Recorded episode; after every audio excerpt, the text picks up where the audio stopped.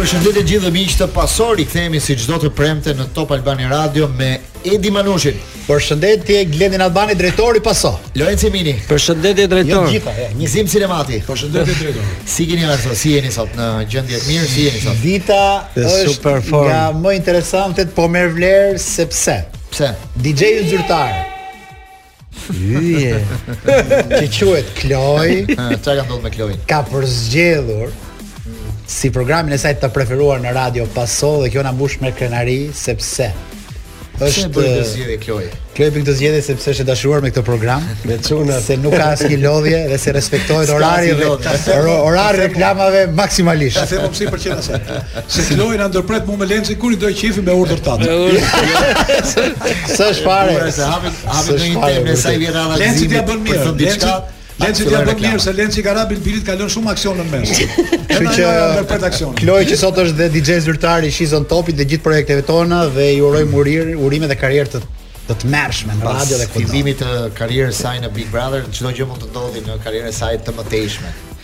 Kështu që suksese Kloi në këtë aventurë.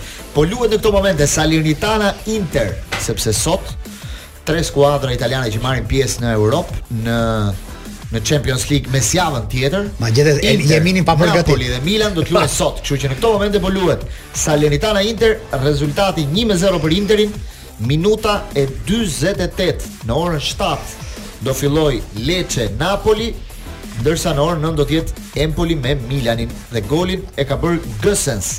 Asist i Lukakut dhe gol i Po ça kjo dita e premte për shkak të Champions League? Për shkak të Champions League, ah, pasi do marrin pjesë në Champions League. Plus që të gjitha ndeshjet e Serisë A këtë javë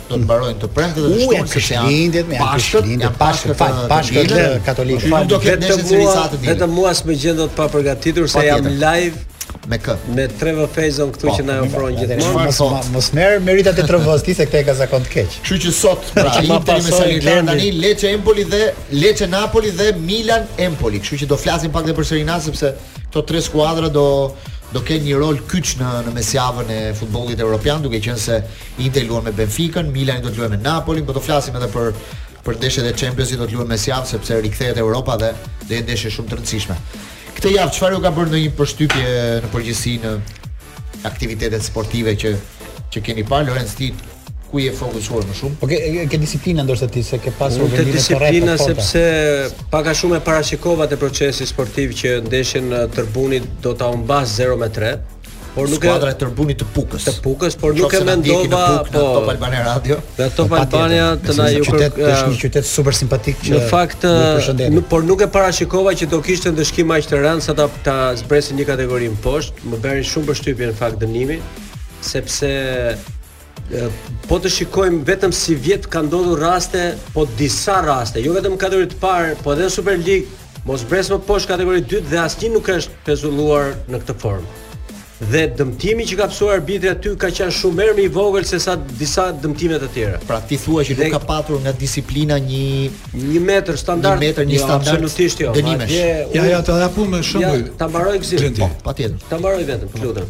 Madje unë do shkoj deri aty sa unë kam rastin personal që që më ka ndodhur para 10 viteve që u fut gjithë stadiumi i Laçit në fushë me gjithë drejtues, president dhe u dënua me minus 6 pikë në Superligë. Ka një ndryshim vitesh, do të thotë, do konsideroj edhe këtë. Po të sjell tek ky vit ka unë po të... u vë re një dorë të hekurt okay, në dënime. Atëherë. Do doja ta diskutoj me ty. Okay. Do doja edhe unë që të ishin dënimet individuale po të lokalizuara, sjell... jo sumare, jo okay, gjithë grupi. Po të sjell te ky vit dhe te i njëjti arbitër dhe te një dhe te te standardi tjetër. Po ky arbitër që ndërpreu lojën në Pukë ka qenë në Bilisht fazën e parë, Bilishti me Labërinë e kanë goditur arbitrin më shumë se sa kaq. Madje ai ka tentuar disa herë ta lërë lojën, asistenti dhe arbitri e ka çuar lojën deri në fund. Në rregull, po flasim për të njëjtin arbitër.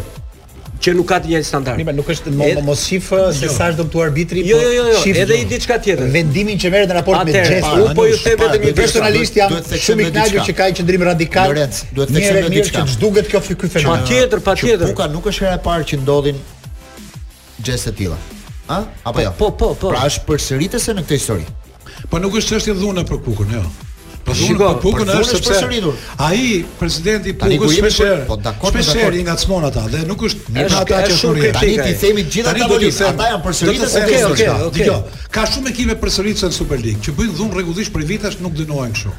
Do t'ju them një gjë, sot kishim kishim një shkrim editorial që thohej, domethënë sa koka janë goditur në luftën e futbollit.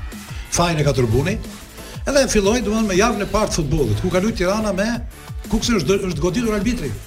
Të gjithë mbyllën sytë.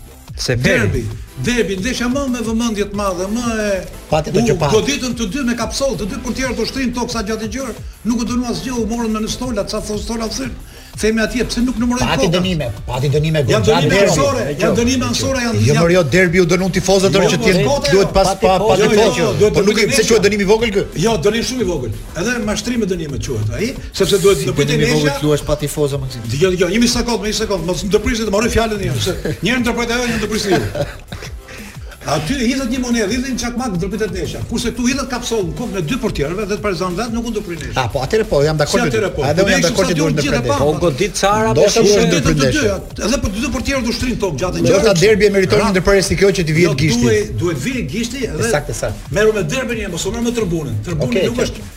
Kulmi i fenomenit jo, dhunës. Se nganjëherë duket sikur mbrojmë këtë dhunën. Tani është jo, pra, aty është jo. është goditur arbitri. Kur nuk e mbrojmë dhunën, ai është për të marrë. Atëherë jo. Klent edhe një. Ashtu një.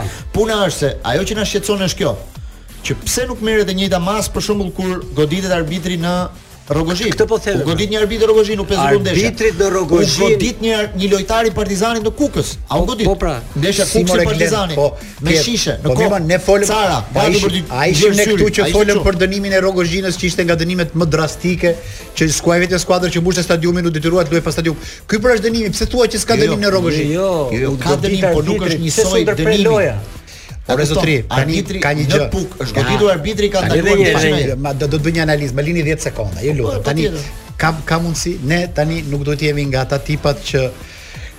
ta ndajmë mendjen vetë se çfarë duam. Nuk mund të themi që kur merret një vendim ndaj dhunës themi pse u mor kaq i fortë. Pastaj kur merret një dënim tjetër për ndaj dhunës themi pse u mor kaq i butë. Domethënë ne ta ndajmë vetë vetë mendjen tonë. Jemi kundër dhunës, a jemi ne që Procesi Sportiv, thamë që kjo që ndodhi në Rrogozhinë është e dënueshme, po, ishim po, po ne që thamë, është gabim që u dënua gjithë tifozliku i Rrogozhinës, po, se ishte një qytet që mbushte stadiumin. Pyetja ime për ty që të shta bëja si shkolishte. Si organizohet ça këshillë i jep ti njerëzve të komisionit që dënimi mos të jetë për gjithë tifozët që janë pafajshëm që meritojnë që futboll po këtë këshillë si mund ta japësh dhe pse s'na kuptojnë apo na mirëkuptojnë këtë gjë jepi shpjegimin edhe një herë si mund të bëhet kjo shumë e thjeshtë po është e thjeshtë fare sot për të marrë licencimin e stadiumit duhen kamera. E thamë emisionin e kaluar. Në tribunë, në dhomat e zhveshjes gjithandej. Po, në moment ta mbaroj. Në momentin që hidhet një shishe, hidhet një gur. Kapet tifozi se ka security në në stadium, Nxirret jashtë prit se ai ndiqet penalisht. Nuk ka lidhje tifozët e tjerë.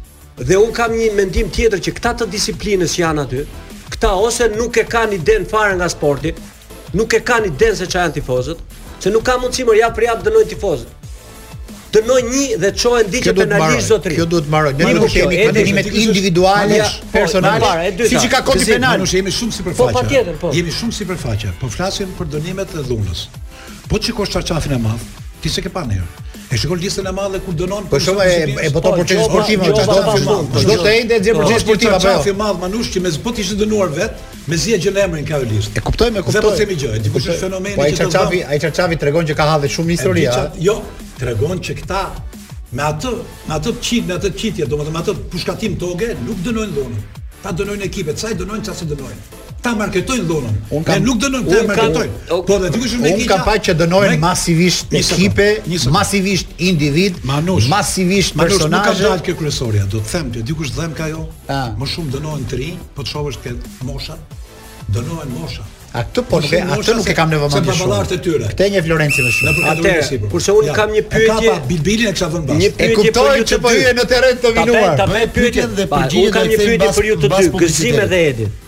Ju mendoni se arbitri në Pukë e ndërpreu ndeshjen nga mendja e vet? Jo, publicitet. Asnjëherë. Publicitet. Jemi direkt në Paso dhe Lorenc Jemini bëri një pyetje.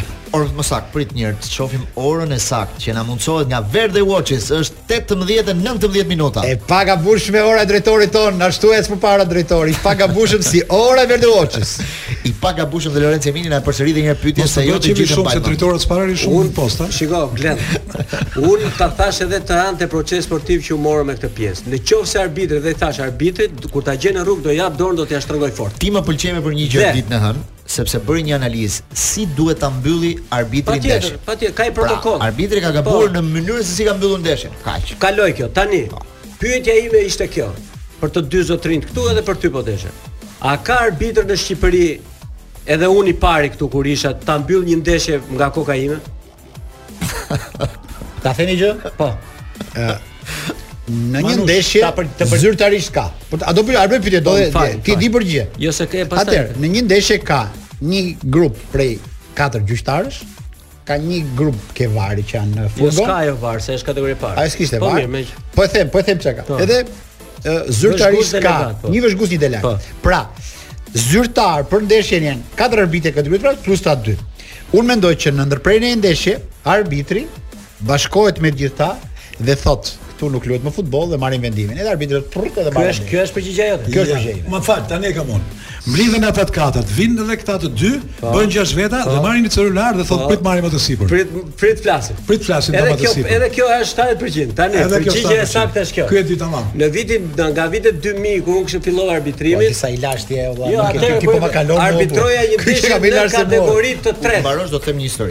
Nga vitet dy mijë kur arbitroja, kur fillova arbitrimin, arbitroja një ndeshje kategori të tretë me Maliqin me Butrintin. Dhe unë e ndërpreva ndeshjen se u grim nga gurët, nga koka ime. Kam dhe një 4 muaj pushim. Më bëj një pyetje. Më bëj një pyetje. Pyetje. Pyetje, pyetje për Lorenc Jeminin. Se ne na intereson më shumë karriera jote në televizion se sa çdo gjë tjetër se nuk është se do merrem me gjithë të tjera. Kush të zbuloi ty që të kaloje nga kjo kategoria e tretë e gurëve të Rrogozhinës ku ishe? Çfarë? Maliq po, me Maliq. Me Maliq. Në kategori superiore. Dua emër dhe mbiemër të atij që ty të promovoi, duke parë te ty talent ar arbitrash. Ëh. Uh... Dhe unë e di që mund të jetë ky miku joni i përbashkët.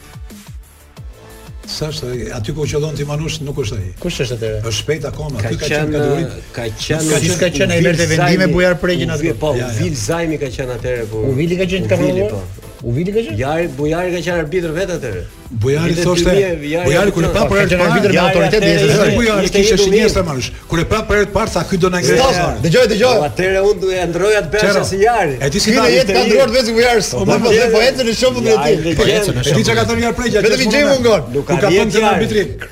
Manush, kur ka për këtë në arbitrim, Pregja ka thënë, ky sa sa do të çoj pazarin këtu penalltish. Historia e Glen Albanit. Për t'u treguar se si funksionon një vend Dhe kur ata kanë një mision për të ndërprerë dhunën apo aktet që ndodhin nëpër stadiume. Po marrim rastin e Hollandës. Mm. Në ndeshjen e fundit të Kupës, Ajaxi përballë Feyenoordit. Feyenoordit. Fishekzjarre në fushë. Goditet një lojtar i Ajaxit, Klaassen është çar në kokë. Çi po, Federata, po. shteti dhe dy klubet janë bërë bashkë. Ky është rast kur ti dënon dhunën. Aha. Shteti thotë që nga ky moment e tutje, po, Më fal, federata thotë që nga ky moment e tutje, çdo njeri që hedh një send në fushë, arbitri ndërpret ndeshjen. Çdo lojtar që goditet, arbitri ndërpret ndeshjen. Çdo lojtar që çdo tifoz që prek fushën e blertë, arbitri ndërpret ndeshjen. Është vendim që ka marrë Federata pra, Holandeze e Futbollit. Në bashkëpunim me klubet, shtetit. klubet, prit do ta them dhe shteti. Klubet, çfarë marrin klubet? Klubet thonë, do t'i mbyllim vetë tribunat, nuk presin dënimin e federatës. Po do t'i mbyll vetë. Kjo është logjika. Nuk do të çojmë asnjë tifoz në ndeshjet jashtë. Fejnordi do luajë me Romën javën tjetër. Nuk do shkojë asnjë tifoz i Fejnordit në Romë. Dakord. Fat i madh për Romën sepse është vendimi i klubit që do thynin janë të dy klubet. Është vendimi i klubit. Të dy klubet. Shteti ka arrestuar 22 persona të identifikuar me kamera, janë arrestuar, do shkojnë përpara gjyqit, do marrin dënimin e tyre. Pra ky është bashkëpunim kur ti ah. do që dhuna të mos ndodhë. Federata merr vendimin e vet,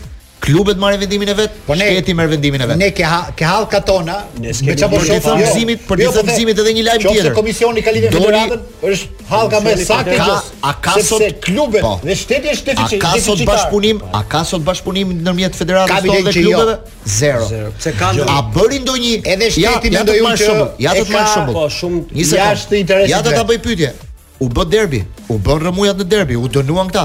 A bëri ndonjë deklaratë Partizani dhe Tirana për tifozët po që shkaktuan dhunë? Zero. Zero. I falënderuan biles. Po pse Thonin pse folni po keq, po pse flisni keq për tifozët. Po... A bëri ndonjë deklaratë klubi i Rrogozhinës kur u godit arbitri? Doli thotë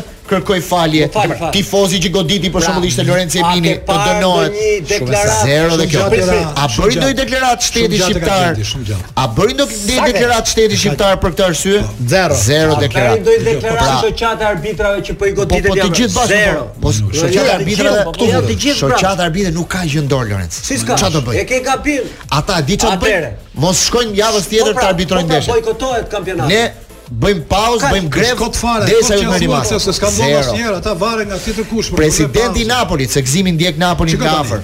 Doli dhe tha, në Itali na duhet ligji Thatcher.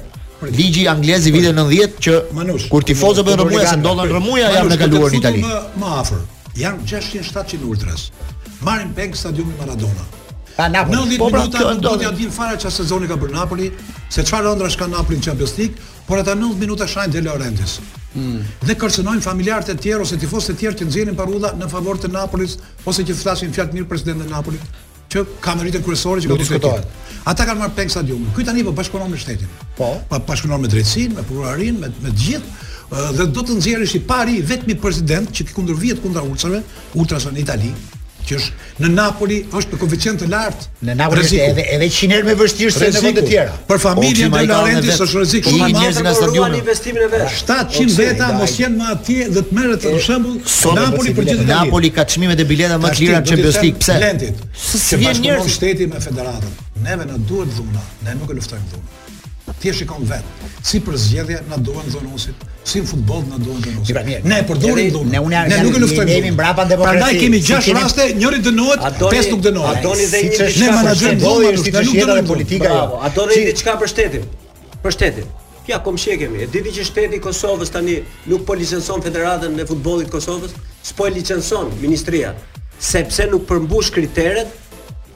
e klubeve. Klubet bëjnë evazion dhe i thot ti si organizatore po, nuk plotëson po patjetër. Ka thënë dhe kryeministri jonë. Doli e nisi nisi betejë po, pastaj nisi një pas autoron u ndërpre. Kambja Ndeshja e fundit Real Barcelona më ra në sy një gjë, që një moment që arbitri s'po e fillonte ndeshjen. Kishin hedhur një çakmak. Po, e mbani mend? Po. Atje duhet të jetë si rregull që para se ta ndërpresin ndeshjen duhet të flasin një herë megafoni dhe ai thot, "Është hedhur një çakmak, po u përsërit ndërpritet ndeshja." Po. Edhe po e mbajti 3-4 minuta se s'po shkonin ata ke ke edhe u bën u bë nervoze gjëja. Do të them bota ka avancuar në këto aspekte. Ne nuk mund të fshihemi më mbas ama se jemi në Ballkan se kshu bën Crvena Zvezda, kshu bën Olympiakosi, kshu bën në Turqi. Se realisht realiteti i Ballkanit në dhunën e stadiumeve, fikse zjarret është shumë i ngjashëm, se unë shoh skena si këto shumë në Greqi. Në Greqi edhe në, edhe edhe edhe në në Stamboll ku janë ato. Ideja është që Tani që ka një dorë të fortë, le ta mbështesim dhe të shohim rezultatet. Le të shohim ta mbështesim që derisa klubet i kanë gjithë ato kamera që thua ti. Se unë mendoj që aty e mbyllin një sy se mund të ketë vështirësi puka për pas kamerës. sot që e dini që këtë javë, e dini që këtë javë tre ndeshjet më të rëndësishme të kampionatit oh, futbollit shqiptar, po themi. Sot luhen pa tifoza këtë javë. E di më e di. Egnatia Partizani zero tifoza. E di për ti se ka ndonjë dënuar. Tirana Kukësi zero tifoza. Flamurtari dhe Skënderbeu për katërshen e parë shumë ndeshje e rëndësishme, zero tifoza. Tre ndeshjet më të rëndësishme të futbollit shqiptar këtë javë janë pa tifozë. Çka kupton? Ti vën gishtin kokës, pra ti vën gishtin kokës. Çka kupton? Unë s'e kuptoj. Unë mendoj që neve lodhemi nëpër studio për të mbushur stadiumet, ata nuk janë të interesuar me stadiume plot. Unë mendoj që i kemi të gjitha sinjalet që stadiumet duhet të jenë bosh. Unë mendoj që i bien shkurt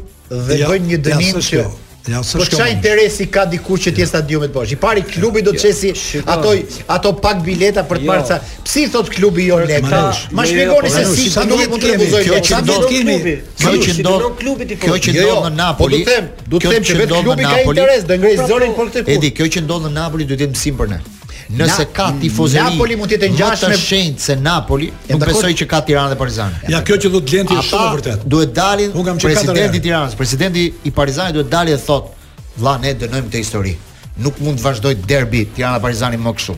siç ndodhi herën e fundit, që ishte një skandal i jashtëzakonshëm, po, që nuk u luajt futboll, nuk u pa asgjë. Pse s'e bëjnë? Presidenti i Federatës Holandeze fjalën e fundit thotë, Fusha është e shenjtë. Normal. Ka më gjë më të madhe se kjo? Fusha është e shenjtë. Është është. Me ka patë. Teatër më është. I duan aty Laurentisit ata 30 veta që bëjnë rrëmuj atje, që që rrahin gjithë dynjan dhe trëmbin gjithë të tjerë. As 700 as 1000 nuk i din. Duhet të kemi parasysh që shef Darden ai do Napoli është nga piacat më të vështira dhe po Napoli është shumë po ngjashëm me ne. Po mirë. Se po mirë Manush. Kjo që ndodh Napoli, klubet e tjera në Itali kanë kaluar prej kohësh. Po mirë Manush. Se është hendeku i madh. Më thua një vend. Napoli tani është këtu. Më thuaj një vend tjetër Më thuaj një vend tjetër përveç Shqipërisë, që? ose këtu afër ose larg, që ka ka dënimin kolektiv në stadium, që i boshatis stadiumet. Ka, ka, ka. Edhe në Itali sot po flitet për një dënim kolektiv. Kujt? Tifozët e Juventusit kanë ofenduar në mënyrë raciste Lukaku këtë javë. Po ti i ke gjithë stadiumet bosh. Janë dy tifozë, po jo janë të identifikuar. Juventusi thotë, po dënoni gjithë zonën, gjithë uh, sektorin. Po një sektor pa kanë dënuar. Po një sektor, më çfarë? Po ti ke gjithë stadiumin.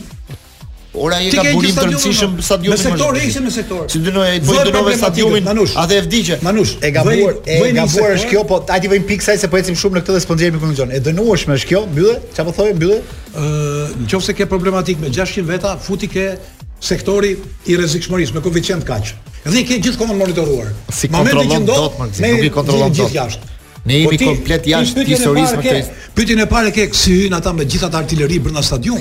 Ti kush merr pjesë? Po si merr pjesë në derbi? Jo. Ne na ngjas aty me Devar, bën dëshë. Di ça ka tre hallkat që përmendi drejtori në vendin tonë janë pa pik lidhje me njëra tjetrën. Shteti s'do më ditë për futbollin. Klubet janë të varura, se janë të varfra nga qeveria e futbollit.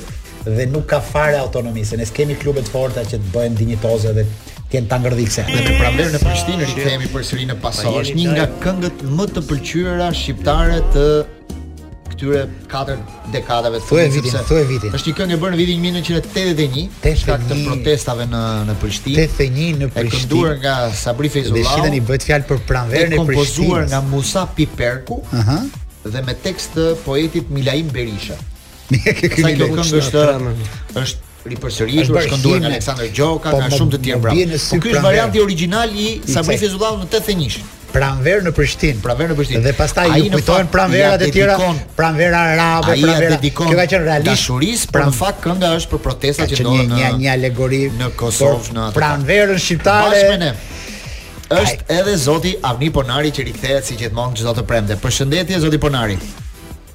Përshëndetje. Është njeriu i orës 18:30.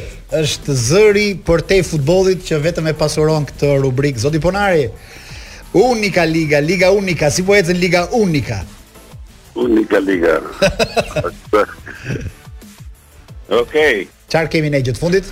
Kemi play-offet e meshkujve që janë caktuar tashmë në basketbol. Ka gara gara e grupmoshave dhe uh mhm. -huh. natyrisht dhe play-off i të rriturve dhe të rriturave, por e rëndësishme është që ka një garë basketbolli në të gjithë Shoqatat sportive, Dinamo ishte fituese e U18-s djem. Mhm. Vazhdojnë garat tjera midis grupmoshave, vazhdojnë përgatitjet për ekipet kombëtare. Janë pesë ekipe kombëtare që tashmë përgatiten për t'u ndesh dhe Një nga ekipet u tetëmbëdhjetë vajza do jetë në Shqipëri ku do organizohet një kampionat europian, pra kemi disa aktivitete të rëndësishme që përbëjnë një lëvizje të madhe të basketbollit në përgjithësi. Do bëhet një kampionat për u tetëmbëdhjetë në Shqipëri, kampionat europian. Po. Kampionati i vajzave në Tani janë gjithë grupmoshat, grumbullohen në vende të ndryshme të Europës dhe ne jemi vend organizator për U18-ën vajza në në Shqipëri. Është një natyrisht që është viti i tretë që ne kemi arritur ta fitojmë këtë të drejtë. Vjet ka qenë një moshë, parvjet u 16-a, vjet u 16-a dhe sivjet jemi me U18-ën Vajza. Do të thotë që vlerësimi për organizimin dhe drejtimin e këtyre aktiviteteve, qoftë edhe të nivelit europian, nga Federata e Basketbollit e ka dhënë përvojën dhe ka dhënë edhe atë eksperiencën e saj dhe në vitet e ardhshme mund të kemi më shumë ekipe, më shumë gara dhe më shumë aktivitete ndërkombëtare në Shqipëri. Zoti Bonari, në në për sa i përket basketbollit ne jemi në një situatë të favorizuar në këtë drejtim dhe kam një pyetje drejtpërdrejt me ju. Jemi të vendosur mirë për sa i përket qeverisë europiane të basketbollit, ju keni aty një detyrë shumë të rëndësishme, atë të tezorierit, mos gaboj, diçka e ngjashme. Po. E dyta, kemi marrëdhënie të jashtëzakonshme me pjesën tjetër të Shqipërisë që është Kosova, është shtet në vete, por basketbolli mund të ishte i vetmi sport që mund të bashkonte për shkak se ju keni dhe ekipin tuaj Prishtina atje. Pse po vonon ky krijimi i uni një një lige me vërtet unike Shqipëri Kosovë basketboll tashmë? Pse them? Ne mund na traj, mund të ishte një lokomotivë tërheqëse për basketbollin tonë, kjo që ndodh në Kosovë. Nuk e kam për cilësinë e skuadrave, sesa për mënyrën e organizimit dhe për financat e e mira që ka Kosova. Mund na tërhiqte në këtë drejtim, pse po vonojmë në këtë aspekt? Pyetje për ju. Manush, ë, Liga Unike është e, e para ligë unike që organizuar e basketbollit që është organizuar në Shqipëri. Mhm. Mm dhe kjo ka tashmë 3 vite që është krijuar, po. ka marrë dhe bekimin e dy qeverive, ka marrë dhe angazhimin e dy qeverive, por ka një ndryshim të madh midis asaj që ndodh në Kosovë dhe asaj që ndodh në Shqipëri. Ajo që ndodh në Kosovë ka mbështetjen jo vetëm të qeverisë së tij, por ka mbështetjen financiare të qeverisë së Kosovës, ndërsa në Shqipëri Liga Unike nuk është mbështetur dhe nuk është parë si një aktivitet i rëndësishëm. Sivjet, në aktiv të kampionat të Ligës Unike femra e fitoi ekipi i Partizanit në Vlorë, që ishte një garë shumë e bukur. Wow. Morën pjesë, morën pjesë gjithë ato ekipe. Super në fund në playoff Partizani fit, ishte fitues i Ligës Unike. Djemtë u tërhoqën për efekte financiare se s'ke para për ta zhvilluar dhe u tërhoqën, por Liga Unike është e krijuar. Tashmë ne kemi një sërë aktivitetesh, një sërë veprimtarish të cilat do të zhvillohen në kuadër të kësaj Liga Unike dhe jemi ligë unike e certifikuar nga FIBA Europa dhe FIBA Bota. Super. Ka, në, në Superkupën që u zhvillua në Mitrovicë midis Tiranës dhe Mitrovicës ishte një ndeshje, një spektakël dhe mori pjesë edhe sekretari i përgjithshëm i FIBA Botës. Mm. U bë një garë shumë e bukur, por fitoi ekipi i Mitrovicës natyrisht. Me, me të drejtë. Mbështetjet, mbështetjet janë shumë më të mëdha. Pyetje për ju. Futbolli fund fundit është para Ne këtë e dim. Kemi një, a kemi zoti Ponari një plan B? Ta zëm se kjo qeveria jonë do vazhdojë të jetë kështu indiferente ndaj basketbollit edhe për 5 vitet e ardhshme. A ka një plan B? A ka mundësi të krijohet një plan B? Gjithmonë në fushën e financave, se në fund fare jam i bindur unë që s'ka sport jo. profesionist pa pagesa rroga tashmë iku kjo punë. Dëgjo, ajo është plani B. Mm. Plani B ka të bëjë gjithmonë ka të bëjë me financimet. Mm. Tani biznesi dhe sporti në përgjithësi rriten së bashku. Patjetër. Nuk mund të ketë biznes që mund të investojë në sport në qoftë se ai nuk ka nuk merr diçka. Benefitet. Sepse në fund fundit biznesi është i interesuar që të realizojë ë uh, atë procesin e zhvillimit të biznesit në kushte normale duke krijuar edhe mundësinë e zhvillimit të saj, qoftë në sepse detyrimet në biznes janë shumë të mëdha. Do po. paguajë paga, do paguajë shërbime, do paguajë këtë etj etj etj. Dhe nëse ai do ketë mundësinë që të investojë, pra të krijojë fonde për investimin që i shërb janë pjesë e fondeve të marketingut, natyrisht që do të ndodhin. Kosova e zgjidhi këtë problem përfundimisht. Pra i dha një zgjidhje në rrjet të basketbollit, i dha një basketbollit dhe gjitha sporteve, dhe fakti që atje kemi shumë kampion bote, kampion Europe, kemi basketboll që merr pjesë edhe në liga ndërkombëtare, do të thotë që atje është diçka ndryshe, pra është rrit shumë niveli financiar dhe natyrisht është rritur cilësia sportive. Në Shqipëri nuk është bërë kjo, dhe natyrisht që pak e vështirë që ne të dalim nga kjo nga kjo situatë që jemi sepse sepse për shkak edhe shumë arsyeve sepse Shqipëria dihet tashmë ku është indiferentizmi në në mbështetjen e këtyre lëvizjeve të mëdha sportive është pothuajse ë i madh, kështu që ne duhet të Ajde, ne po punojmë, ne po punojmë. Po bash me ju, bash me ju t'i biem këmbanave dhe të na dëgjojë ai po- që është interesuar se po- neve kemi deri te 18 vjeç. Ne po punojmë, po nuk po arrijmë që të t'i japim japim forcë, japim fuqi.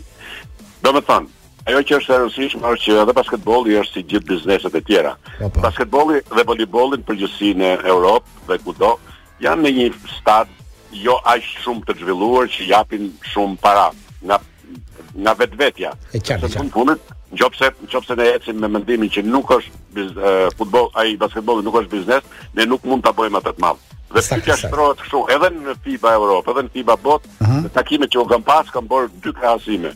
Atëherë pse futbolli është biznes dhe mhm. pse basketbolli në Amerikë është biznes i madh. Qartë. Çfarë duhet bëjë Europa që ta ketë edhe basketbollin njëlloj si Amerika? Dhe çfarë duhet bëjmë ne që ta kemi njëlloj si Europa? Letrim. Atëherë janë disa gjëra që ndodhin, sepse eksperiencat dhe përvojat ekzistojnë. Le të rrimë me këto pyetje nga Smose. zoti Ponari sepse realisht i kape telin gjës dhe është momenti i këshillave të siguracioneve. Dita është zgjatur, ça duhet të kemi parasysh për sa i përket siguracioneve këtë periudhë të vitit?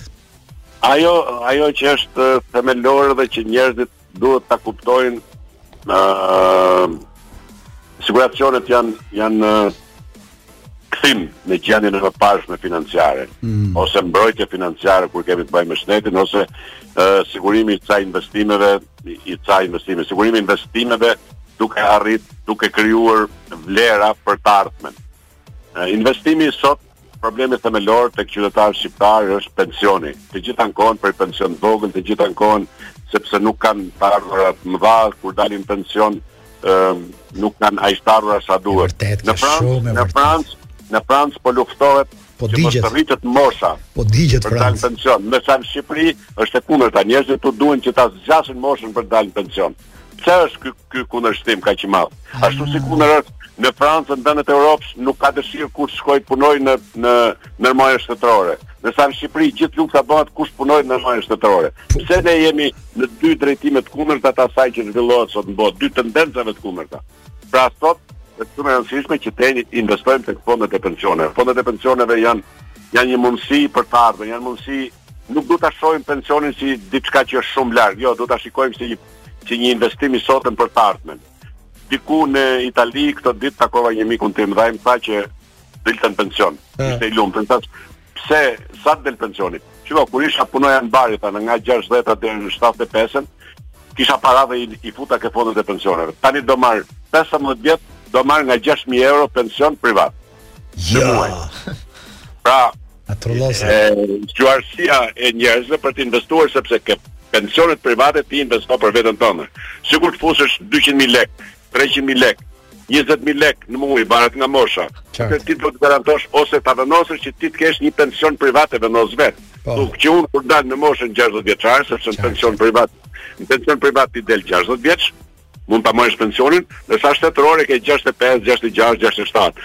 Atëherë e cakton vetë se sa do ta kesh pensionin dhe kërkon që unë do të kem 1000 euro. Atë për për 20 vjet apo 30 vjet bën investim në këtë kohë dhe këto para që janë gjithmonë të garantuara, nuk janë si në bankë që i ke të garantuara pjesërisht. Ato paratë e fondit pensionit i ke të garantuara 100% dhe ato që investon janë tuat, nuk janë ato trashëgohen, nuk është si pensioni shtetëror që nuk trashëgohet. Etj, etj, pra ka gjithë ato faktorë. Dhe ajo që unë do ju thoja njerëzve, ajo që do ju thoja unë gjithë qytetarëve është që investoni tek fondet e pensioneve private. I keni edhe Paratë që nuk taksohen kur merrni rrogën pra deri në 2 2 milionë 400 mijë të reja, pra 2 milionë 400 mijë po. lek. Nuk taksohen. Investoni tek fondi i pensioneve. Ato mund t'i tërhiqni kur doni. Por, Zoti, ha. investoni sepse i keni të garantuara dhe kjo është ajo që unë do t'i thoja çdo Fleso. njeriu në Shqipëri, sepse po ndryshojnë, po ndryshojnë standardet, po ndryshojnë kushtet, po ndryshojnë rrethanat. Vetëm duke u qa Nuk rregullojmë dot jetën tonë financiare. Këshillat e duhura na erdhën nga ka jetë përtej futbollit. Zoti Ponari, faleminderit, mirupafshim urime, shihemi javën tjetër. Shihemi. Ciao, mirupafshim. Jemi në paso pas rubrikës ka jetë përtej futbollit me zotin Ponari, rikthehemi në çështjet tona të rëndësishme dhe ka një ndryshim rezultati Interi me Salernitanën 1-1 ka barazuar në minutën e 90. Wow. Ish lojtari i Interit, Kandreva. Jo, ka shënuar në portën e Interit. Simeone 1 me 1, jo Simeone, Simone Inzaghi. Simone Inzaghi ka për të ikur nga Inter. Po, po. tani oh. situata është Shumë pak e ndërlikuar sepse Gj në situatën Champions League ka Interi. Interi është luan në, në garë të fortë. Jo, jo, atë e di po them si është në kampionat me me shumë skuadra, po, ka 51 pikë në vendin e 4 në këtë moment. por rrezikohet nga të paktën tre skuadra, që janë Roma, Atalanta dhe Juventus. Nëse Juventusi nesër arrin të fitojë përballë Lacios, që ka ndeshjen e rëndësishme të të javës, atëherë Juventusi mund të shkojë për momentin është 7 e 3 mund të shkojë 4 pikë nga vendi 4, do të thotë t'i heqësh dhe 15 pikë Juventusit dhe prapë të jetë aty. Tani Manush futbolli është bërë si ruletë. Një javë përpara Interi barazoi në fund me Juventusin. Tani pëson gol nga Salernitana në fund. Po unë unë do të nuk është mirë para Champions Ligës që ka Interi kjo kjo lloj rezultati. Kto skuadra të mëdha fikë transformohen. A baba sa e fort Benfica. Po ky rezultat, Interi ka shumë tifoz, është rezultat jo shumë mirë për të thënë të vërtetën. Ky barazim me ndalon nuk ka as 2-3 minuta ka, ai është në fund ndeshja. Jemi në minutën 93 për momentin. Sa ka dhënë shtesa, kështu që ka 1 minutë lojë. 4 minuta shtesë ka dhënë, kështu që pothuajse mbaroi. Dhe presim nëse në moment do të jetë ndryshime, menjëherë do t'ju njoftojmë. Ndërkohë që në orën 7 pra në orën pas pak minutash do të fillojë Lecce Napoli, por duket një ndeshje pa shumë rivalitet. Duke qenë se edhe Napoli do bëjë një rotacion të vogël sa i përket lojtarëve që janë në fushë, duke u përgatitur për ndeshjen që ka me Milanin në në San Siro ndeshjen e parë. Në më saktë Napoli luan me Meret,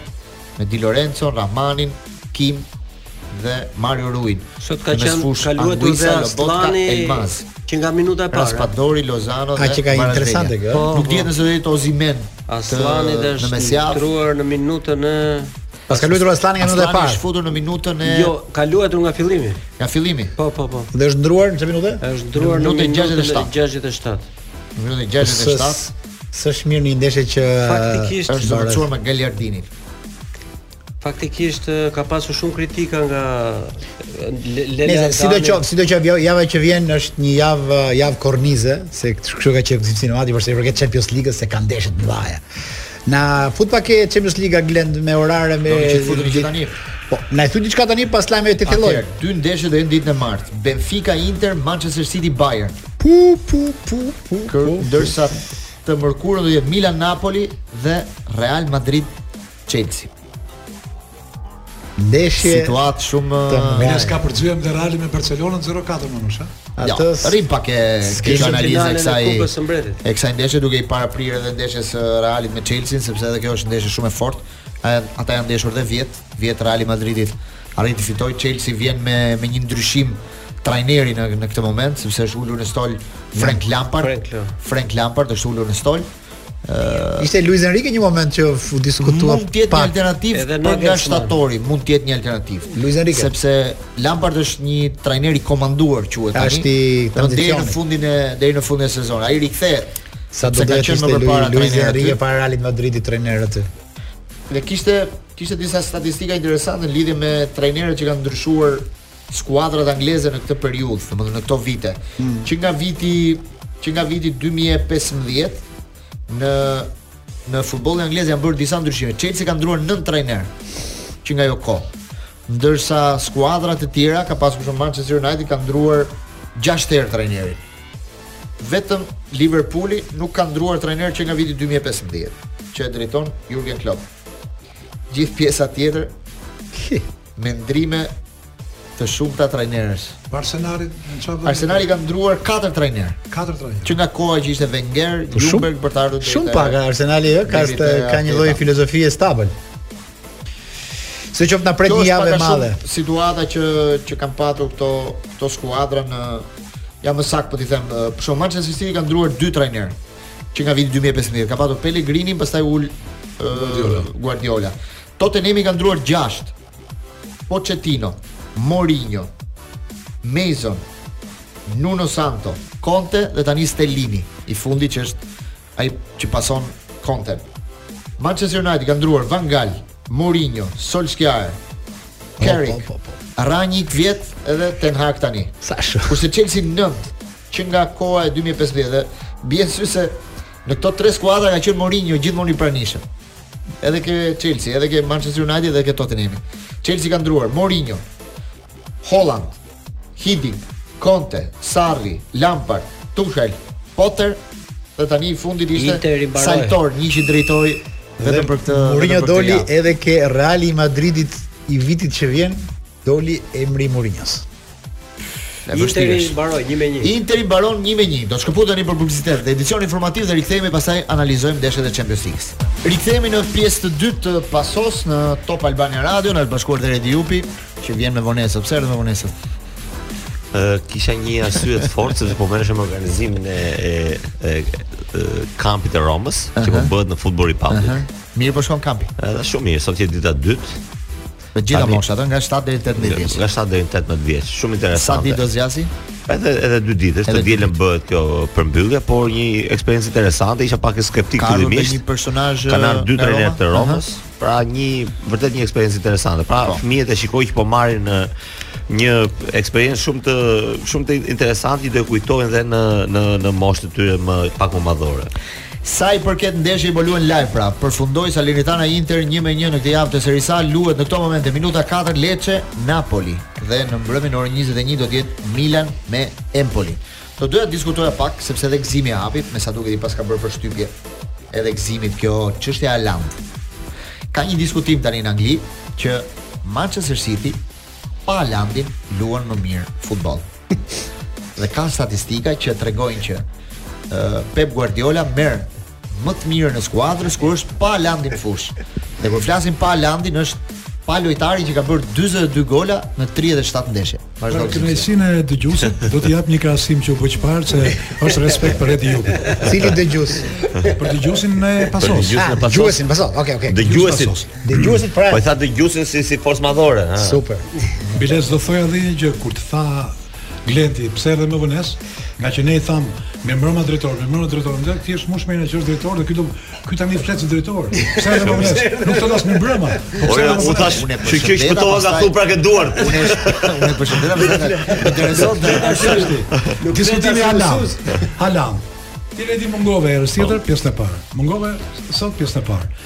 Ne kemi dy pjesa të para që i luajmë për ty, e di se e pasonin topin, e di se luajmë. Po. Ai shikon sa mirë luajmë ne pa Alandin. Atëherë. Nga kjo nisi biseda dhe ky tha dëgjova edhe edhe për City, po paska statistika që çka. Po do përgjigje interesante. Do përgjigje. Është filmi Aldo Giovanni Giacomo. Sa mirë ta dhashë tha ai topin atje mban mend ta. Po unë sa mirë era tha. Po Kiara që një gocë aty në film sa mirë bëri. Po dha shumë bukur lidhe, po si u rrahëm 10 me 3. Dija. Dija. Do kujtoj çik profesorin e madh Ismet Bellovën. Do kujtoj çik profesorin e madh Ismet ah. Bellovën. Ka qenë shumë e bukur një në studio. Ah. Kemi qenë bashkë në studio dhe eh, fjalën ia dhanë në fund profesorit. Para profesorit kishin folur nja 4-5 veta. Edhe ai sikur s'ishim ne atje, tha. E tha bukur Manushi. Eh? Po dhe Redi tha qau. Lenci tha tamam tha atë që duhej tha, Gëzimi kishte drejt. Edhe kur tha vetë, në ku nështën kalma. e kujtova profesorin Ismetin, sepse është për të kujtuar, kemi diskutuar me... Kemi folë me Gëzimin. Me Manushin, që prapë u hap një diskutim këtu që nuk duan njerëzit bëhen gazetarë. Ose në Itali, siç thonë, nuk duan Rinia të bëhen kuzhinierë, që ata janë kampionë bote. Dëgjo, është është më si diskutim është më gjerë, se duan të bëhen mësues, do të bëjnë atë. Ka shumë gjëra nga këto, por nuk intereson pjesa e gazetarisë po. Do ta kanë brava. Redi, do të jap një shembull kështu të thjeshtë fare që mos ka vetëm për ta kujtuar profesorit se është figurë e madhe e pazëvendësueshme. Më përpara, i thash Manushit kur un kam qenë i vogël, kishte fëmijë që imitonin atë ose imitonin Ahmet Shqarrin, ose do të bënin si atë. Kurse sot brezi i komentatorëve nuk ndjell më që të imitohen nga njerëzit, sepse baza fare është pasioni për punën e vërteta tek puna dhe janë shumë cilësi të tjera që njeriu duhet të ketë modele për të ndjekur.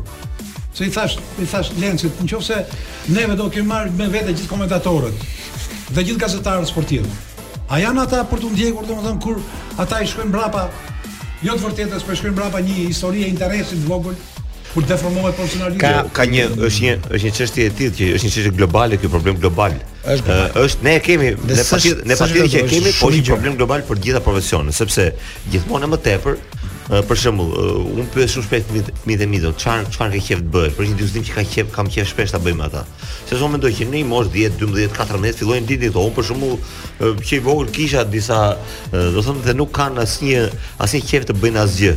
Ose modeli që është tani është që janë multitask, janë njerëz të cilët për shembull është 80% e njerëzve nuk përfundojnë në profesionin për cilin diplomohen. Pra bëjnë punë të tjera, janë njerëz multitask, pra të të kompletuar po themi ose të të trajnuar për të bërë disa gjëra, por asgjë shumë mirë dhe deri thellë deri në fund. Po shikosh dhe gazetarët sot, ata gazetarë që merren në treg me përjashtime të vogla sepse do të janë njerëz që bëjnë dhe gjëra të tjera. Shumica e gazetarëve shokë të Gentit janë në real estate. Ë paradite shesin, paradite shesin nxjerrin qira po, apartamentet, pasdite po, bëjnë këtë, pra shumë gjëra, shumë gjëra. Ka dhe menaxherë gazetarë. I bëjnë të dy. Dëgjo, ajo e menaxherit do të thotë Redi që detyrohesh bën shumë gjëra, pra nuk ka një një ajo e menaxherit deri diku, hajde se prapë është në ambientin e futbollit, e ndihmon për shembull dhe për njohjet dhe për thellimin në në profesionin që ka, edhe pse mund ta pengojë për patjetër që ka konflikt interesi, por të dalësh paradite të shesh apartamente dhe pastaj masdite të bësh shkrimin për për për për kujtesë çfarë Landit, për Landit. Për të bërë shkrimin them unë, po shkrimet s'bëhen më s'bëhen më fare, nuk ka më shkrime. Komandantët e mia shumë të shqetësuar. Jo për gazetarët, po. por për mësuesit. Për mësuesit, a? Po patjetër. S'ka më dëshirë asnjëri të bëhet mësues. Po s'ka se jo. Dhe s'po kanë një politikë incentive nga shteti për të çuar mësues, po kjo mësues është shumë serioze. Se kjo ka të bëjë me gjuhën shqipe. Oh. Dhe viti 2030 i viti i gjëmës a jeti mirë drejtori se qa bëhet fjalë është shumë afër kështu që Le të bien ca këmbana alarmi për gjëra si këto që janë shumë jetike dhe të rëndësishme. Shkosh për mësues kur e ke rrogën 60000 lekë të reja. Prandaj fola për incentiva. Prandaj fola për incentiva. S'është vetëm ke rrogën. Po çfarë aty fillon? Po çdo gjë tjetër më kupton edhe edhe. Po do të sot me atë pagë. Mirë më mirë, po po pa po me zero, sepse ky është diskutim që bëhet. Sot kam takuar një të ri i cili më befasoi. Më tha, kur të rritem dua të bëhem si Bledi Mane.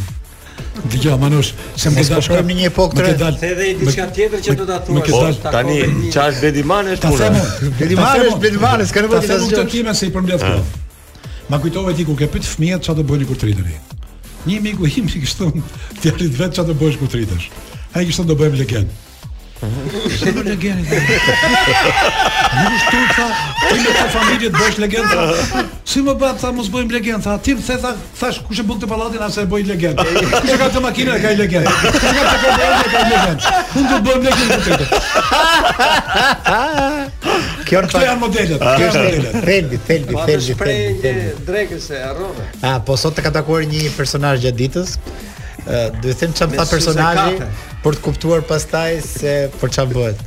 Tha po të humbësh një po të humbësh lek. Po të humbësh lek thosh s'është një problem se gjenden. Po të kesh një problem shëndeti, tha, po. është problem i vogël, po është problem. Po të humbësh karakterin tha, ky është problemi i madh. Gjeni për kë personazh bëhet fjalë.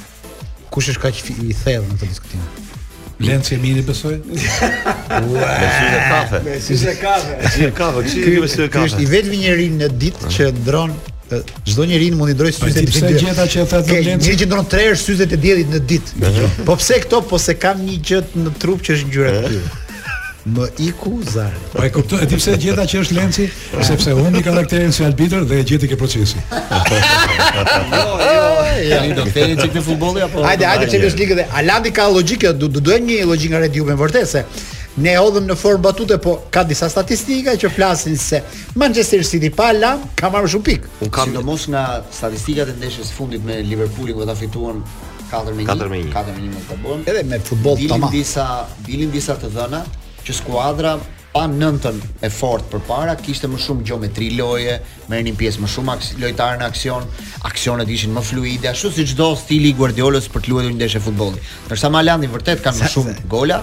Sa i po, ndodhën nga ai e mori për gola. Loja nuk është kjo e e zakonshme e Manchester City. Edhe unë jam shumë i dyzuar për të. Gjithsesi, të, po flas pak me shifra edhe pse nuk më pëlqen. City bën çdo vit rreth 100 gola në në në kampionat, 90 deri në 100 gola. Kjo këto janë në, në vitet e mira, po themi në vitet në të cilat e, ka ekzaltuar dhe ata ndjekësit dhe, dhe jo vetëm të tij, por në gjithë botën. Tani vjen Haaland i cili deri tani ka bërë 42 gola. Shifra e goleve nuk është se shkon dot sipër kësaj shifre. Kjo është një shifër që nuk lëviz dot. Pra nuk është se erdhi Haaland tani dhe City do bëjë 130 gole, se është e pamundur. Është e paarritshme. Pra, nuk është numri i goleve ai do ngelet, por ama nëpërmjet Haalandit City bëhet bëhet pak më, jo, bëhet pak më konkret po themi dhe pak më vertikal ë në momentet në ndeshjet që duhet t'i fitojë patjetër. Ka pasur raste të kjo që një ndeshje e cila me qenë një ndeshje e çuditshme, siç i ka ndodhur shpesh Cityt në në ndeshjet e, në të gjithë periudhën e Guardiolës që fiton shumë kollaj ndeshje të caktuara, i, i fut 4, 5, 6 kundërshtarit dhe pastaj vuan 0-0 në situata në të cilat është 80% te zona kundërshtare dhe nuk shënon dot. Po. Haaland pikërisht për këtë erdhi për të qenë ai lojtari i cili duhet të shënojë ato 2-3 gola, përveç atyre 40 që bën ai për veten e vet, në ato ndeshje të cilat City nuk po shënonte dot. I bëjnë në ditën e gabuar. Urdhon? Gjithë gjithë bëjnë golat në ditën e gabuar, se tifozat endé do mërziten se i bëri gjithë golat me Napoli. Bilbili Redi. Ne gol për po, Champions po. League. Redi të ratë në bingo sot i ra Bilbili.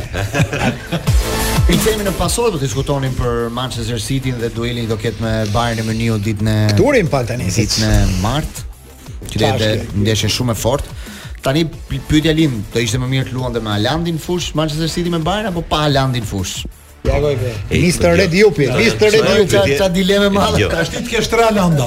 Këto janë pyetje, këto janë pyetje që as nuk duhen bërë. Trajneri duhet t'i ketë në dispozicion të gjithë. Jo, jo. Pastaj se si vendon, se si vendos ai. Pra, po ai nuk është nuk është në dispozicion një. Më duket se ka problem fizik që mund të duhet apo. Jo. Po patjetër më mirë ta kesh atje. Edhe në qoftë se ai mendon që kështu në një moment të caktuar, ku di unë pjesën e dytë, 20-30 minuta, unë do ta fus që në fillim. Ëh, sepse ai ka ndërtuar tashmë skuadrën kështu. Ëh, problemi i Guardiolës është që ë, bën një bën një turnover shumë ë, ë, shumë, domethënë, të, të bezdisshëm për lojtarët. Po, i- Aftësia e tij më e madhe është se si i mban të qetë ata lojtarë të mëdhenj që City ka, domethënë, ë duke i bërë një turnover kaq të fortë. ë sepse domethënë City një një ekip që luan, është i vetmi ekip që luan në të gjitha kompeticionet gjithmonë. Të gjithë ekipet zgjedhin. Iku Arsenali, la një, ky tjetri la një. City luan te të gjitha deri në fund, pa çka se nuk i arrin dot të gjithave, ë. Por shkon deri në fund te të gjitha dhe ky është turnoveri që bën ai. I ka bërë pak a shumë dhe këto që ka bërë disa skuadra, e që të gjitha skuadrat rrinë mirë, tre ose katër skuadra të mira, domethënë me vendosje të ndryshme, domethënë një me De Bruyne, një pa De Bruyne, një me Bernardo Silva, një pa Bernardo Silva, një me Mahrez, një pa Mahrez, do Po tani, Mahrez është nga wingat më të mirë në botë, luan shumë pak të të luan shumë pak. Po, nuk luan gjithë kohën, domethënë. Redi, mos e ka dhe stil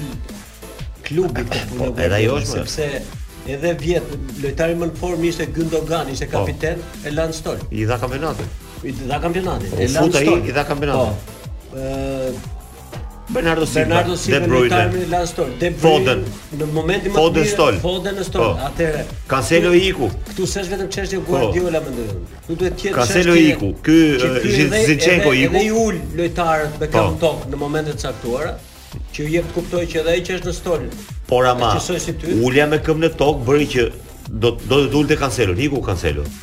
Iku Cancelo te Bayern dhe Bayern tani. Do të gati për të ikur ishte vjet. Po, Bayern tani do luajë kundra kundra këtij.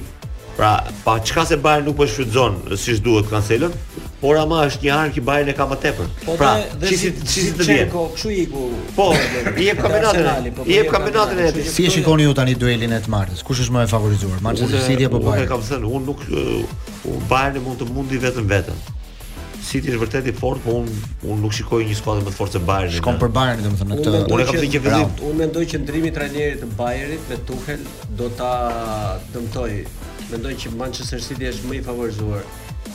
Më ekip më dukej se i pashë të dyja ndeshjet. Ishte ndeshje me Dortmundin qe e çuditshme që nuk e fitoi Bayern, po humbi Dortmundi, sepse bëri dy gafa, dy golat e parë ishin gafa amatoreske, që nuk quhen. Kurse ndeshja që u eliminuan në kupë, që të gjithë e kanë masakruar Bayern, dhe them që me Manchesterin do ta ketë shumë vështirë. Në qoftë se do ta heqë Manchesteri si vjet, me këtë moment mund ta heqë Bayern. Përndryshe,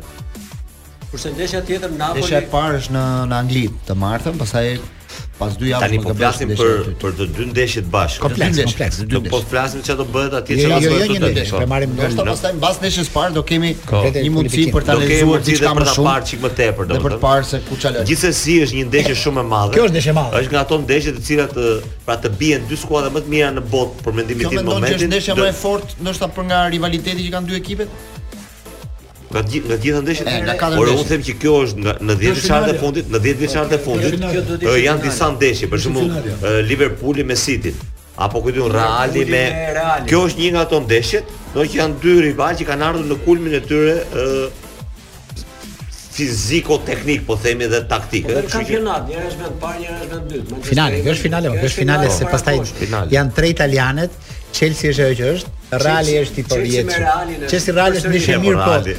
Hajde merre vesh Reali çfarë bën. E di ça ka ky Reali që më habit. Ishte gjë e bukur Manush, ai ai ai Modric më befason. Manush si ka mundsi mos ku e bën atë kthesën atë topin me ku e ka të kavile me jashtëm. Manush na morën. Në moment ke si se s'e harroj gjatë ndeshjes, ke si që shtyvi kështu.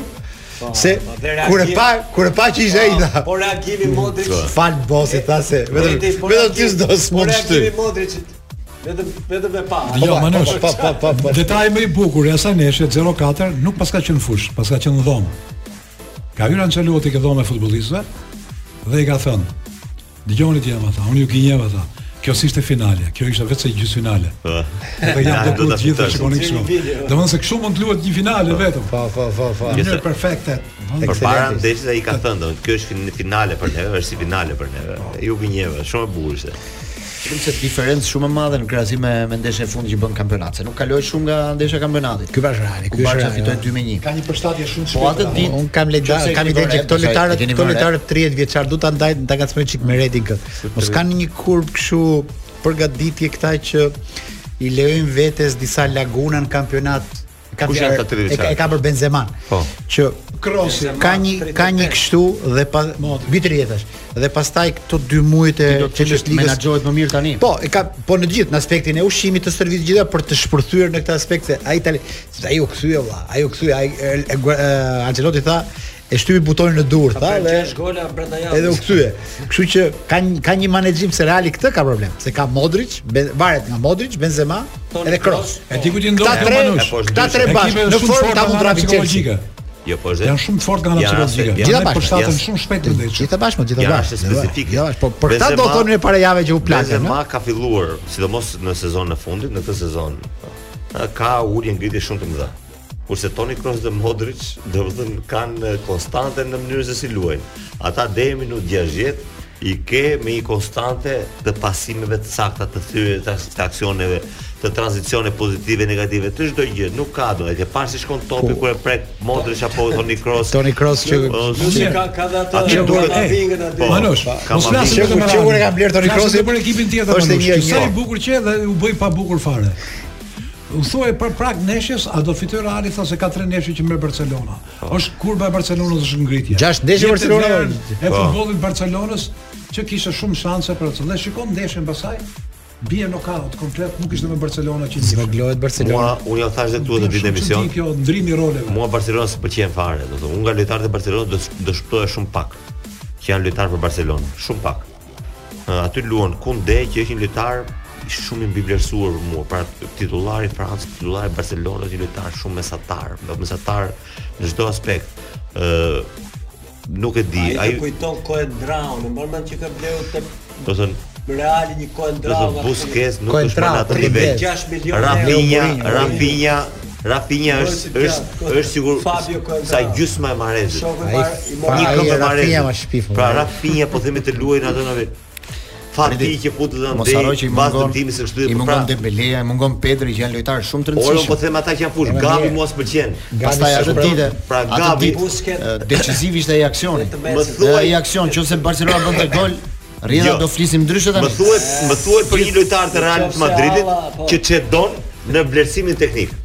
Pra, të thuash ti ky lojtar i Real Madrid nuk bën. Për mua Real Madrid ka Ha, ka ekip më të mirë se Barcelona. Po, po tjetër si klub, si organizim, si po, ka, ka një gazetar që i referohem gjithmonë unë edhe si çfarë përshkrimi bënte se tha Toni Kroos është është një fenomen shumë interesant në Spanjë. Është lirë që i padeshifrueshëm. Dhe kur flisnin për kush do rinovojë vitin tjetër, çfarë do se viti tjetër mund të jetë që mund të jetë viti i fundit për Benzema, por Reali po kërkon një nëntë të rëndësishëm në botë. Për Modric mund të jetë viti i fundit. Po. Po varet nga dëshirat e tyre. Presidenti do t'i mbajë kështu. Te rasti i Krosit thoshte, ky tha Krosi është i çuditshëm. Krosi tha mund të jetë aq i paparashikueshëm saqë mund të thotë fund sezonit dëgjo, e lashë futbollin. Po, po var kufi. Po. Domethënë është është asnjë është i palexueshëm fare tha ai gazetari dhe është njëri dhe kur ka ardhur Toni Kroos e Toni Toni Kroos nuk donte me lënë Bayernin. Ai u largua me një lloj inati nga po, Bayerni po, se po. Bayerni nuk vuri gjithë peshën kryesore të skuadrës te Toni Kroos, po filloi me me me bërë me alternativa të ndryshme. Dhe kur erdhi ky bënte një krahasim tha, Reali me Toni Kroosin është një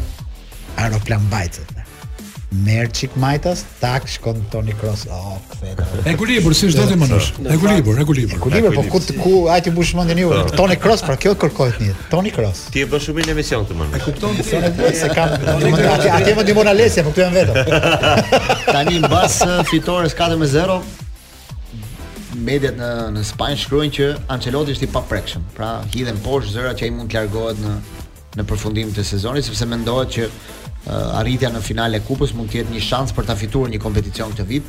Reali do luajë me Osasunën tani në në finale e kupës, Osasuna që rikthehet mbas 21 vjetësh. S'e besoj që është i paprekshëm, unë mendoj që presidenti do ta ndrojë Ancelotti vitin tjetër. Perez, kam domethënë nga Vaja çuva Champions League. Nuk diskutohet, nuk diskutohet, po ai e ka edhe më shumë gjasa që edhe po fitoi Champions League-n.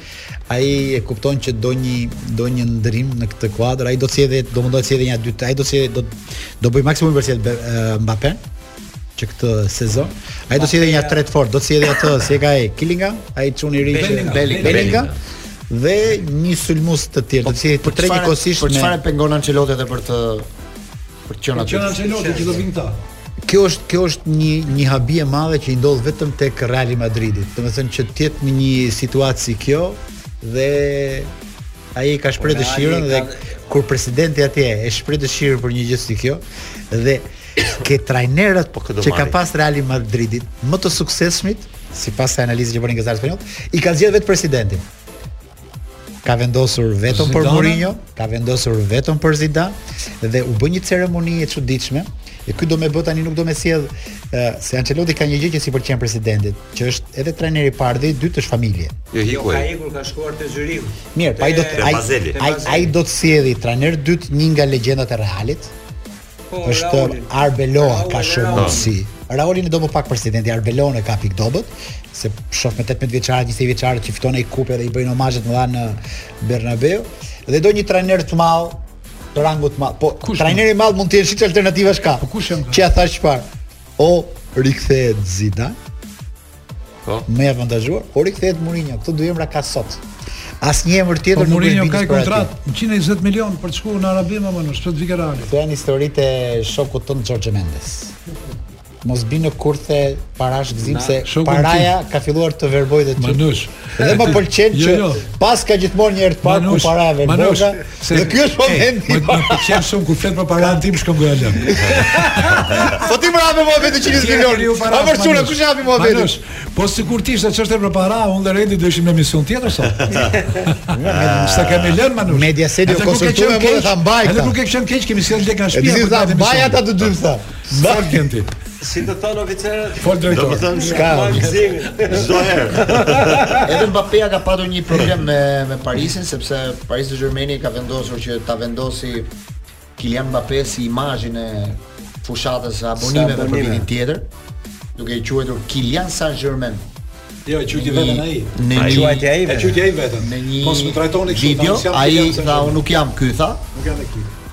Kështu që po gazetarët thonë që kjo është një shenjë që ai nuk do të vazhdojë të qëndrojë më në në Paris. Parisi po mendon që të largohet. Politikisht ai nuk e pranoi këtë sepse ajo ishte fyerje e madhe dhe për Messi dhe për Neymar, edhe për shokët e tjerë. Ishte një respekt i skajshëm thotë për mua. Unë jam shumë i ri përpara tyre dhe nuk mund të thuhet Që unë jam imazhi para tyre. Po ai është kapiteni tani i ekipit. Po është kapiteni, po sa janë ata. Shumë probleme ka Paris Saint-Germain, po do rrimë pak mbas reklamës ndoshta me Paris Saint-Germain. Do të shkojmë për publicitet Napoli ndërkohë ka kaluar në avantazh me golin e Di Lorenzos në fushën e Lecces. Ne rikthehemi pas publicitetit, vazhdojmë diskutimet. Zgjova njeriun me Irma Libohovën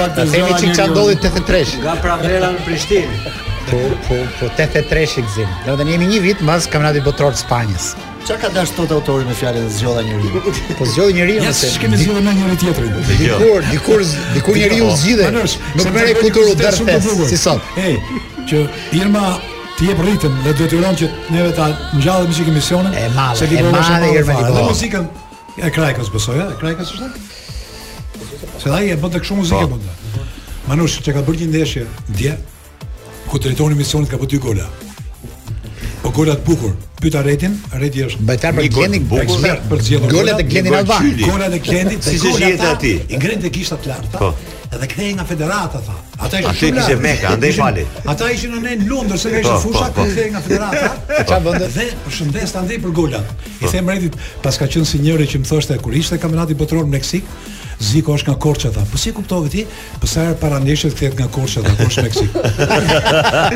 Ai që në Londër kthehej nga federata. Po, po, po, po. Për këto njerëzit që thonë që janë jo nga Korça e kështu ka diçka të vërtetë këtu. Se mbaj mend kur isha i ri, më thoshin që Anna Oxa është nga Kruja, nuk e besoja thu tallen, thashë, këta. Ku gjet kjo? Këngëtare kaq e madhe. Ky zë kaq i bukur, kjo kjo femër kaq e bukur. Kur do ti që në 91-shin erdhi Anna Oxa këtu tha Jam nga Kruja ma, nuk tha. Daç besoj se nuk tha kështu, po domethën me origjinë pra, me origjinë me origjinë të lartë po, po, me po. Kruja, po është Ana Hoxha pra mbiemrin e saj. Po, po, po. Familja vet jetonte që në Tiranë. Ndjeva, në kur ika, kur ika në Itali në 90-të, u ndjeva aq krenar që Ana Hoxha ishte shqiptare, se italianët Ana Hoxhën e kishin yll. Po. Edhe ajo duket që s'është italiane në, po. ajo është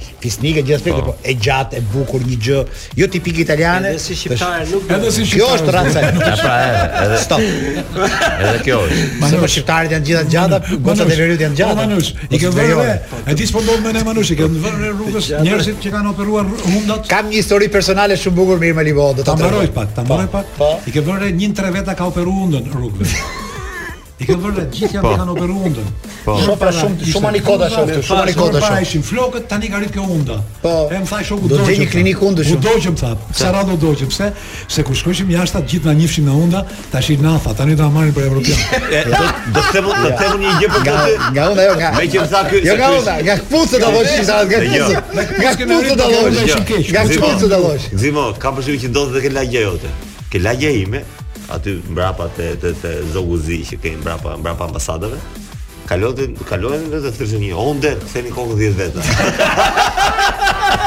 Tregoje historinë nga Limit. Ja, ka një ka një ka një histori kur kam kam bërë një udhëtim të bukur nga për Kjo ka demi.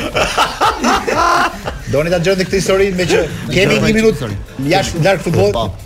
Kjo është një histori në fakt shumë interesante, një Një mikesha jonë. Kishte dyshime se dikush në shtëpi i merrte lekët.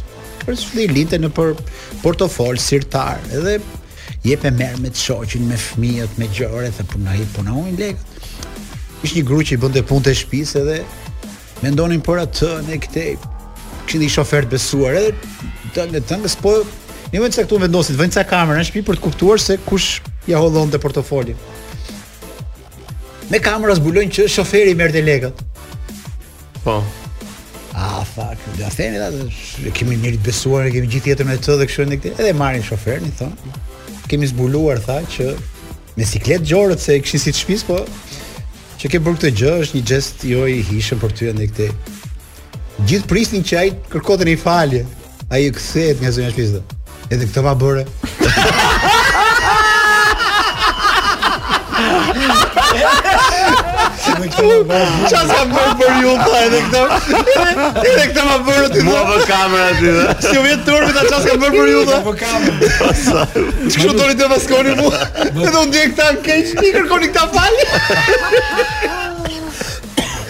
Filmi, filmi, bëhet po edhe filmi. Mu kujtua një barsaletë e hershme. Sa për argëtim ishte kjo? Shumë e bukur. Hajde. Nuk e di, ndoshta e keni dëgjuar. Që i shkonte njërit telefoni shumë shtrenjtë, dhe vuri kamera. Hmm. Si puna e barsaletës tënde? Vuri kamera, Po s'kishte asnjeri në shpi, edhe ishte çudi e madhe, kur kamerat një ditë kapën papagallin, që largohej nga kafazi, merrte, kish parë prefiksin që këta flisnin me Amerikën, edhe kakariste dhe linte telefonin atë. Edhe vinte telefoni me miliona. Bam, bam, çfarë do bëjmë tani, ky na griu fare. Dhe tha do e gozhdojmë tha. Kaq milionë sa kemi tha po gozhdojmë. Hë ta gozhdojmë papagallin, mu në mes murit, me krah të hapur. Papagalli një të papër para, pa Krishtin. Edhe i tha po ti tha sa vjet ke kështu? Kam me 12. Ç'i paske bo telefonit.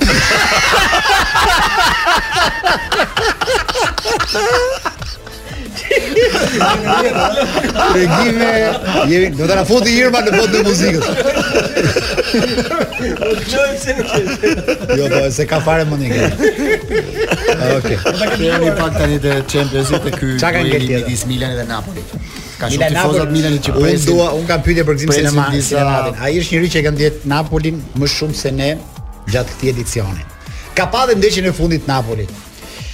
Ky Napoli me Milanin Gëzim, sa sa shanse ka që të përsërisë atë Jo, Manush, figurën e vet, simpatizant i Milanit, nuk e quaj veten tifoz, simpatizant i Milanit. Ç'ne simpatian? Do doja, po kam pas shumë lidhje me me George Weah, me personazhe të bukur, Shevchenko më pëlqente shumë. E kuptoj. Tërhiqesha më shumë nga individë spektakolarë, se sa nga loja kolektive. Për shembull, Milanin e holandezëve e donin të gjithë. Nuk e ndaje dot. Bile s'i kam treguar Edit një histori të bukur që e kam lexuar në një vend, që kur luanin këta në Beograd, shkuan 80000 veta. Edhe i thot Saki këtyre, kujdes tha se janë 80000, tha do t'i mbani mbi kurriz 80000 veta tha. I foli tre holandezëve. I kthehet Gulit. Gulit i kthehet dhe thot i thot Mister i thot. Ruud Gulit. E sa veta kanë tifozët tha që i vijnë në stadium tha. Tha zakonisht tha stadiumet i kanë nga 30 40 mijë, po sot janë 80 mijë. Po pse s'thua tha 40 mijë kanë ardhur për ne? Po. Janë me ne tha. Po. Pse na tregon domethënë shifrën e plotë 80, dyzet kanë ardhur për Milan. Unë do të thoja Manush nuk përsëritet më ajo që ndodhi. Nganjëherë them që mos është kaltroje. Sepse Napoli u përkëdhel shumë, është ekip i vogël.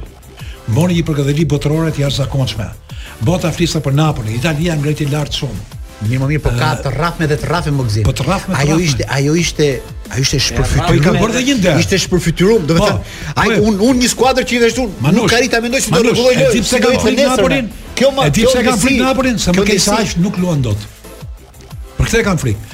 Dëgjova shpesh që nuk luan Osimhen. Nuk është Napoli Osimhen. Napoli s'ishte fare në fushë.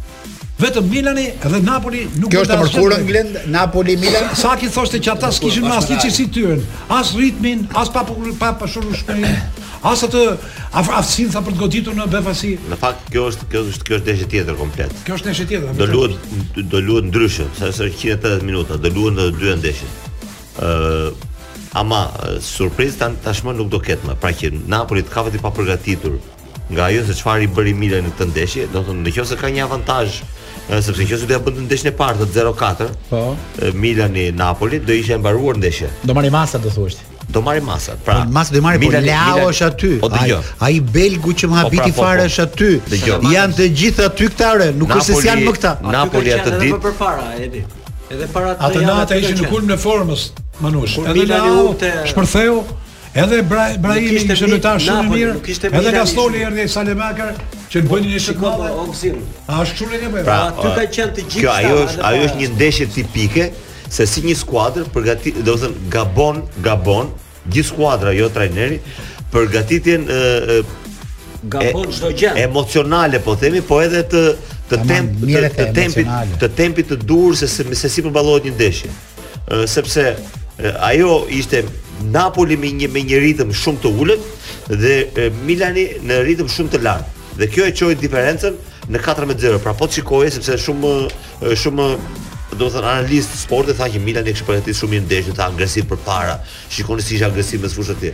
Ajo ndodhi se ishte Mil, ishte Napoli në ritëm. Pra ata vërtet ishin agresiv, po ashtu kanë qenë edhe ndeshjet e tjera, se nuk është mbase jo me atë ritëm që ishin tani, sepse domethënë i kapi të dyja. Njëri në kurbën më të ulët, tjetri në kurbën më të lartë. Tani, këtu s'mund të jenë më.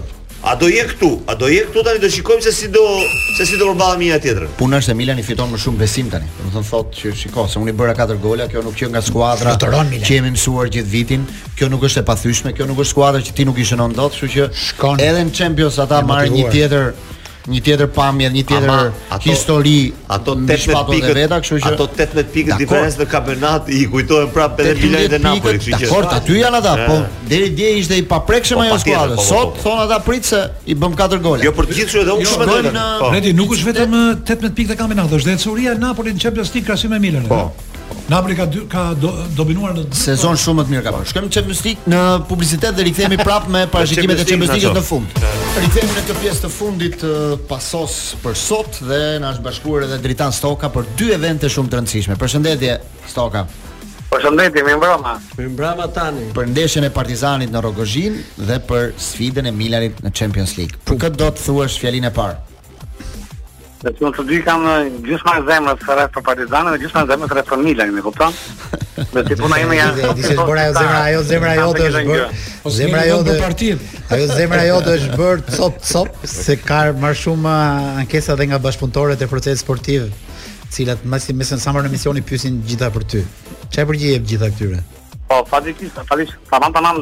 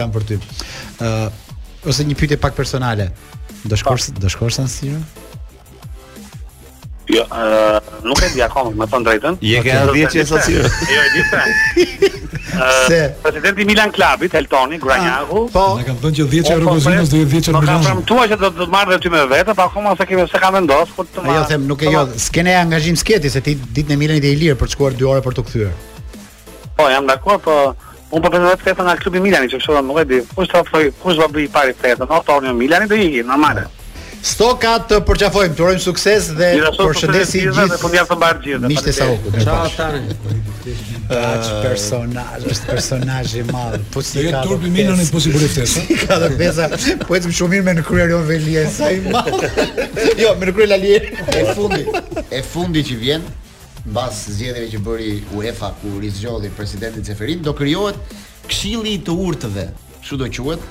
Është një bord që do drejtohet nga Zvonimir Boban mm. dhe do ketë brenda personazhe shumë të rëndësishme të të futbollit, siç janë Maldini, Zidane, Capello, Ancelotti, shumë trajnerë të tjerë. Vazhdo, vazhdo me emrat, sepse i ke gjithë listën. Völler, Benitez, uh, Keane, Ferdinand, shumë emra të rreth 20 emra. Personazhe mund të ketë edhe të tjerë. të cilët do mblidhen nga Boban dhe mbledhja e parë do jetë 24 prill. Quhet Këshilli i të Urtëve. Këshilli i të Urtëve dhe do japin disa sugjerime, projekte, ide të ndryshme për futbollin. Nuk do vendosin ata, për të ndryshuar rregulla ose po interesante ose gjëra të ndryshme, por ata do japin ide. Ka aty s'ka një shqiptar jo. Përpara është nismë e Zvonimir Boban, jo nuk ka asnjë shqiptar. Përpara 15 jo, vjetësh, ë mbase edhe më pak, ë ishte momenti që Platini do do merrte FIFA-n. Edhe ka qenë një orientim i përgjithshëm, ë që boll tashmë me këta njerëzit nga jashtë që vijnë dhe kanë marrë drejtimin e futbollit, por njerëz të futbollit, pra ish futbollistë duhet të marrin rol drejtues, sepse është bërë një deformim shumë i madh. Ça bëhet tani? Pra këta që vijnë nga jashtë marrin role drejtuese dhe këta të futbollit i marrin i fusin nëpër vende atje që të marrin të bëjnë punë honorifik. Pra jo jo jo honorifik, të bëjnë punë specialistësh po themi nëpër këto institucione të futbollit. Ndërkohë që duhet të jetë e kundërta. Pra njerëzit e futbollit duhet të jenë në në vende në vende drejtuese, siç janë Boban e ku diun të gjitha me me radhë, s'ka rëndësi të gjitha, po. sepse këta mund të drejtojnë dhe këta të tjerë të vinë të bëjnë specialistët domethënë. Ky është që çfarë se çfarë do të prodhojë kjo për t'u parë. Okej. Okay. Unë ju falenderoj që ishim sot me paso, do të dëgjohemi përsëri të premten tjetër. Radhën do t'ua lëmë çunave të Merre me Long. Se mishi mbaroi. Mishi mbaroi, kështu që pas pak jemi me ata, kështu që bashkë ndahemi këtu, mirë u dëgjofshim.